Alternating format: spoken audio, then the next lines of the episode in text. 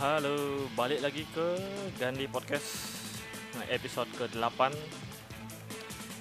Jadi hari ini saya akan membahas tentang sesuatu tentang alam semesta ya Yaitu umur alam semesta kita ini berdasarkan sains.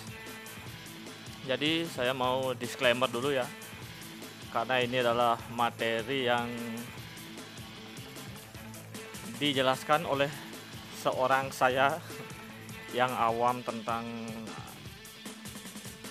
alam semesta ya. Walaupun saya sudah tertarik dengan materi ini kira-kira tiga tahunan ya mungkin ya. Jadi saya merasa ada rasa ingin tahu karena saya lumayan menyukai tentang hal-hal yang ada kaitannya dengan alam semesta dan antariksa ya. Jadi uh, di kalangan atau secara sains alam semesta ini berawal pada sebuah kejadian ya yang bernama Big Bang yang sampai sekarang yang usianya sudah 18 eh 18 13,8 miliar tahun. Jadi pada awalnya itu manusia mengamati langit ya. Kemudian berdasarkan benda-benda langit yang mereka temukan, kemudian dibentuklah sebuah pola dan mulai memetakan benda-benda langit yang ada di atas mereka. Dengan asumsi alam semesta itu tetap dan tidak berubah. Jadi pada awalnya itu jadi ini saat manusia sudah menyadari kalau bentuk bumi itu bulat ya. Jadi manusia mulai menyadari dan mulai aware pada benda-benda langit yang mereka temukan dan mereka petakan sampai akhirnya manusia bisa menyimpulkan kalau benda-benda langit tersebut memiliki pola ya. Pola perputaran yang dulu pada awalnya disebut. Jadi eh, alam semesta kita pada awalnya itu manusia sadar yaitu dari lingkup kecil yaitu planet, kemudian sistem tata surya, kemudian galaksi. Jadi pada awalnya galaksi Bima Sakti itu manusia menyadarinya kalau alam semesta itu cuma sekedar galaksi Bima Sakti. Jadi benda-benda langit lainnya yaitu galaksi-galaksi lainnya eh, seperti galaksi Andromeda manusia itu awalnya menyebut benda-benda tersebut itu nebula. Jadi nebula itu adalah awan awan antariksa ya dibilang. Jadi bisa dibilang awan antar bintang yang di dalamnya uh, terdapat debu-debu ataupun berbagai asteroid ya yang berkumpul dan itu disebut nebula.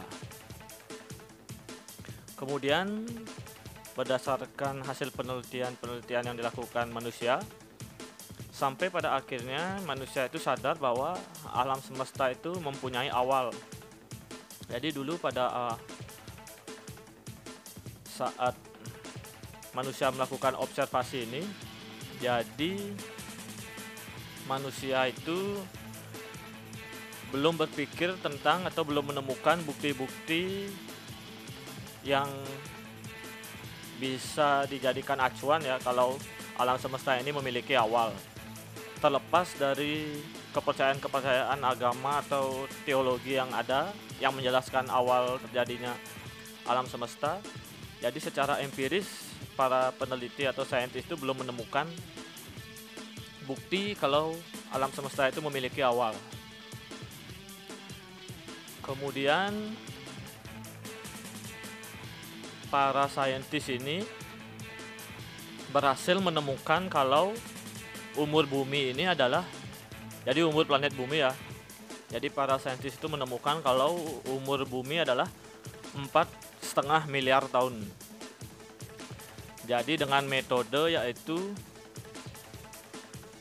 yang dinamakan pengukuran radioaktif decay. Jadi bahasa Indonesia-nya itu peluruhan radioaktif jadi para saintis berhasil mengecek atau mengukur sebuah batuan purba yang berada di bumi dengan metode yang tadi ya yang sudah saya bilang yaitu radio radioactive decay yang penjelasan tentang metode tersebut mungkin butuh satu episode podcast baru ya untuk menjelaskannya. Jadi berdasarkan metode itu ditemukanlah umur bumi 4,5 miliar tahun dan berdasarkan hal tersebut paling tidak saintis mulai menyadari kalau umur alam semesta pasti lebih tua daripada umur bumi. Jadi kalau ditarik dari awal ya, jadi manusia itu sadar alam semesta itu hanya sebatas galaksi milik kita sendiri yaitu galaksi Bima Sakti. Kemudian berdasarkan penelitian-penelitian dan pengamatan-pengamatan yang ditemukan kalau nebula-nebula yang diamati oleh para saintis itu ternyata adalah sebuah galaksi atau alam semesta lainnya gitu, alam semesta yang berbeda.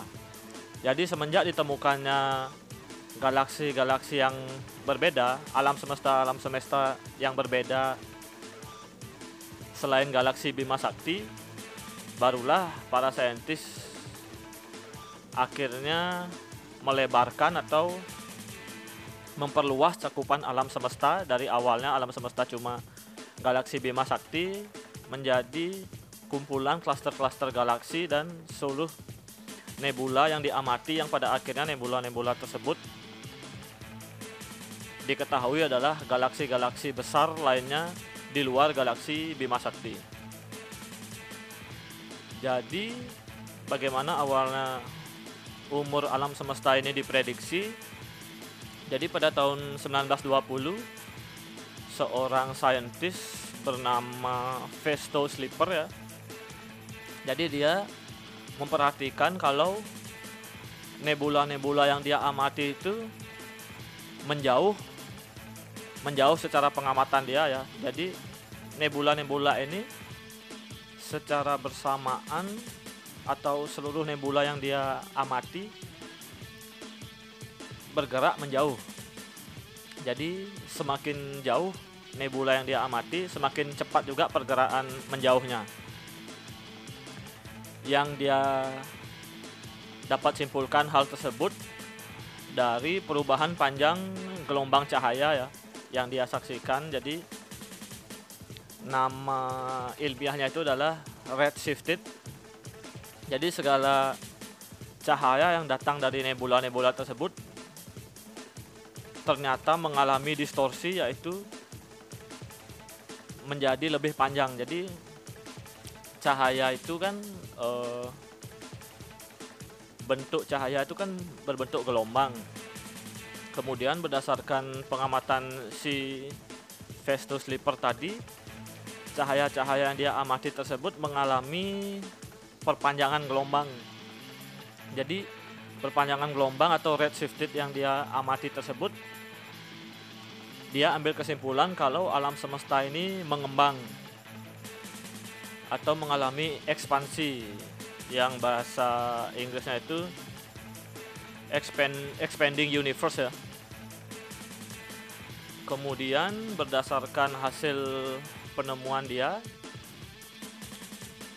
menjadi sebuah fenomena besar ya. Sebuah ilmu pengetahuan baru di bidang sains. Jadi yang pada awalnya manusia percaya kalau alam semesta itu statis kini menjadi terbuka kalau alam semesta ternyata dinamis dan kemungkinan memiliki awal gitu. Jadi dari alam semesta yang statis kemudian mengalami ekspansi dan dari ekspansi alam semesta ini para saintis mencoba menarik menarik mundur ya. Jadi karena telah diketahui galaksi-galaksi lain dan nebula-nebula lain yang diamati menjauh, jadi para saintis mulai menarik atau melakukan reverse secara waktu ya. Jadi waktu itu di reverse dan kemudian dikalkulasi yang pada akhirnya seluruh galaksi-galaksi dan semua materi di alam semesta ini terkumpul di dalam satu titik singularitas yang para saintis sebut kejadian fenomena tersebut adalah Big Bang atau dalam bahasa Indonesia-nya dentuman besar. Jadi istilah Big Bang ini awalnya dikemukakan dikemukakan oleh seorang bernama Fred Hoyle di sebuah broadcast radio. Walaupun pada broadcast radio tersebut si Fred Hoyle ini menyebutkan kalau dia menentang teori dari Big Bang ini jadi awalnya dia yang menemukan term dari Big Bang ini untuk kemudian dia ajukan keberatan-keberatan tentang bukti adanya Big Bang teori adanya Big Bang ini karena dia percaya pada dia masih percaya pada teori universe atau teori alam semesta yang masih statis. Kemudian teori-teori Big Bang tersebut yang menyatakan kalau alam semesta memiliki awal mulai banyak mengalami legitimasi ya. Jadi banyak teori-teori atau tradisi-tradisi religius yang mulai mengklaim kalau teori-teori yang mereka kemukakan tentang awal semesta itu benar dan memvalidasi tradisi atau dogma yang sudah mereka jabarkan awalnya kalau alam semesta itu memiliki awal. Jadi dari mana perkiraan waktu atau umur Big Bang ini bisa diambil?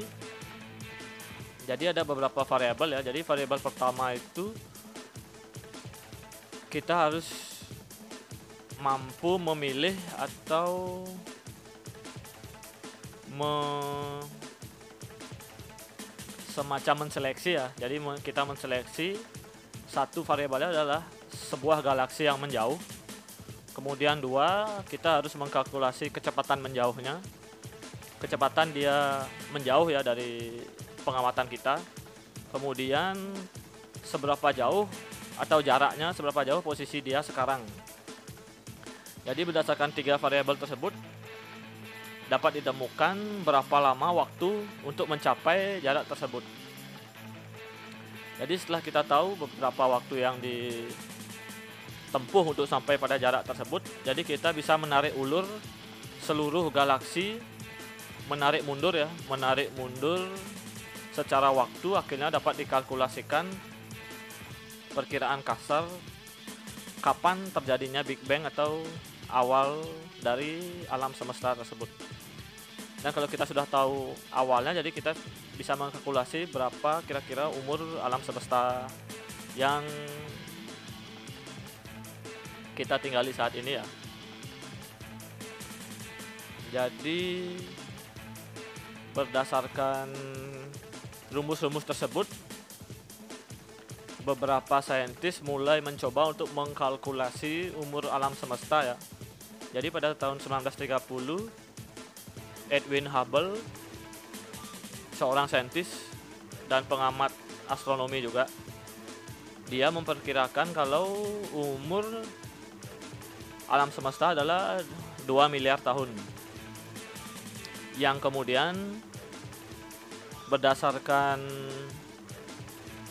pola pengamatan radioaktif decay yang tadi saya sebutkan ya jadi pada waktu Edwin Hubble mau mengemukakan umur alam semesta yang 2 miliar tahun ternyata ditemukan kalau ada sebuah batuan purba di bumi yang pada saat itu berumur paling tidak 3 miliar tahun.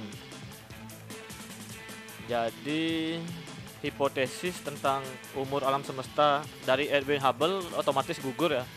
karena di bumi aja ditemukan batuan yang umurnya paling tidak 3 miliar tahun. Sedangkan dia mengemukakan umur alam semesta itu 2 miliar tahun. Kemudian pada tahun 1943 saintis bernama Walter Blade memprediksi umur alam semesta yaitu 3,6 miliar tahun. Yang dia kemukakan dalam sebuah konferensi pada tahun 1952. Kemudian pada tahun 1950-an setelah si Walter Blade mengemukakan tersebut, ada saintis bernama Alan Sandage, Alan Sandage ya. Dia mengemukakan kalau umur alam semesta itu adalah 5,5 miliar tahun. Yang setelahnya dia revisi berdasarkan mungkin dia berhasil menemukan variabel-variabel lain yang nantinya dimasukkan ke dalam prediksi dia ya. Jadi dia menemukan kalau umur alam semesta itu adalah 13 miliar tahun. Yang hasil observasi dia ini masih belum atau belum memasukkan variabel gravitasi dan dark energy jadi dark energy ini adalah sebuah apa ya dibilangnya? Jadi sebuah lubang ya, sebuah variabel yang belum diketahui oleh saintis tapi keberadaannya itu memiliki signifikansi terhadap terbentuknya alam semesta. Jadi estimasi si Alan Sandage ini yang 13 miliar tahun ini sudah mendekati estimasi sekarang ya yang dipercaya sekarang yaitu 13,8 miliar tahun. Kemudian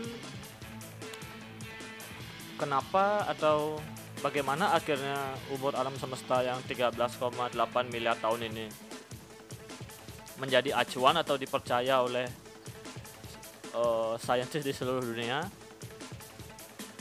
Jadi setelah melakukan kalkulasi yaitu menarik mundur waktu ya berdasarkan jarak antar galaksi yang menjauh ada beberapa variabel yang di, akhirnya dimasukkan oleh para saintis yaitu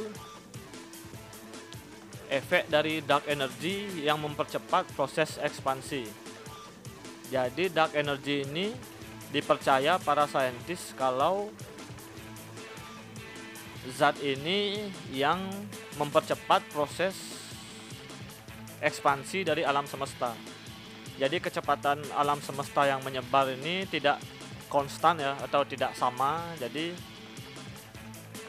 penyebarannya itu dinamis dan sekarang pada tahun-tahun sekarang ini ditemukan kalau kecepatannya itu berakselerasi, berakselerasi yang berarti semakin cepat galaksi-galaksi lain meninggalkan kita atau menjauh dari atau berekspansi ya berekspansi menjauh dari galaksi-galaksi lainnya. Kemudian ada variabel yaitu mengkalkulasi semua materi ya semua materi yang ada termasuk dark energy dan dark matter di mana para saintis berdasarkan kalkulasinya berusaha untuk menghitung berapa sesungguhnya masa atau masa atau berat dari alam semesta kita ya walaupun ini adalah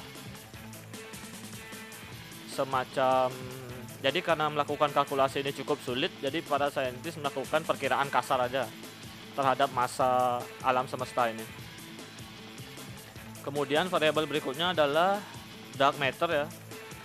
Jadi dark matter ini didapat dari efek grafi efek gravitasi dalam galaksi dan galaksi-galaksi cluster yang ditemukan atau dirasa memiliki peran dalam mempercepat uh, ekspansi dari alam semesta ini. Kemudian variabel berikutnya adalah kecepatan ekspansi sebelumnya yang kemudian efek anti gravitasi dari dark energy yang memiliki peran juga ya yang memiliki peran dalam membentuk atau mengkalkulasi umur alam semesta ini. Kemudian variabel lainnya adalah CMB yaitu Cosmic Microwave Microwave Background ya atau disingkat dengan CMB. Jadi si Cosmic Microwave Background ini adalah sisa-sisa cahaya alam semesta pada waktu umur alam semesta masih 400.000 tahun. Jadi si MB ini ditemukan dulu pada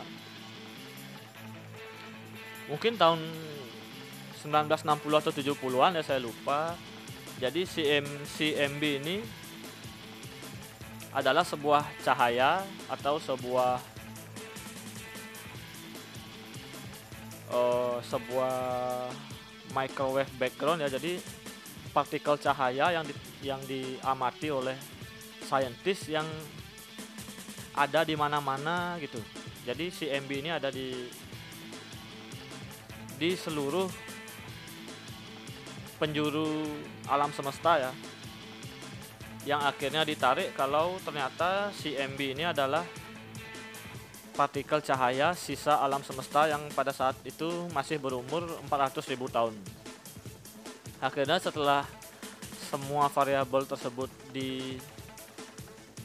dimasukkan dalam mengkalkulasi umur alam semesta dan disepakatilah kalau umur alam semesta ini yaitu 18,8 miliar tahun yang nantinya tentu akan bisa direvisi lagi tergantung kemajuan ilmu pengetahuan ya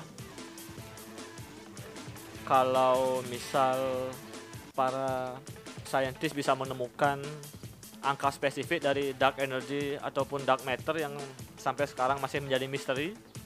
Padahal dark energy dan dark matter itu menempati 95% dari segala yang ada di alam semesta ini. Jadi materi-materi yang bisa kita lihat, yang bisa kita rasakan juga cuma 5% ya di alam semesta ini.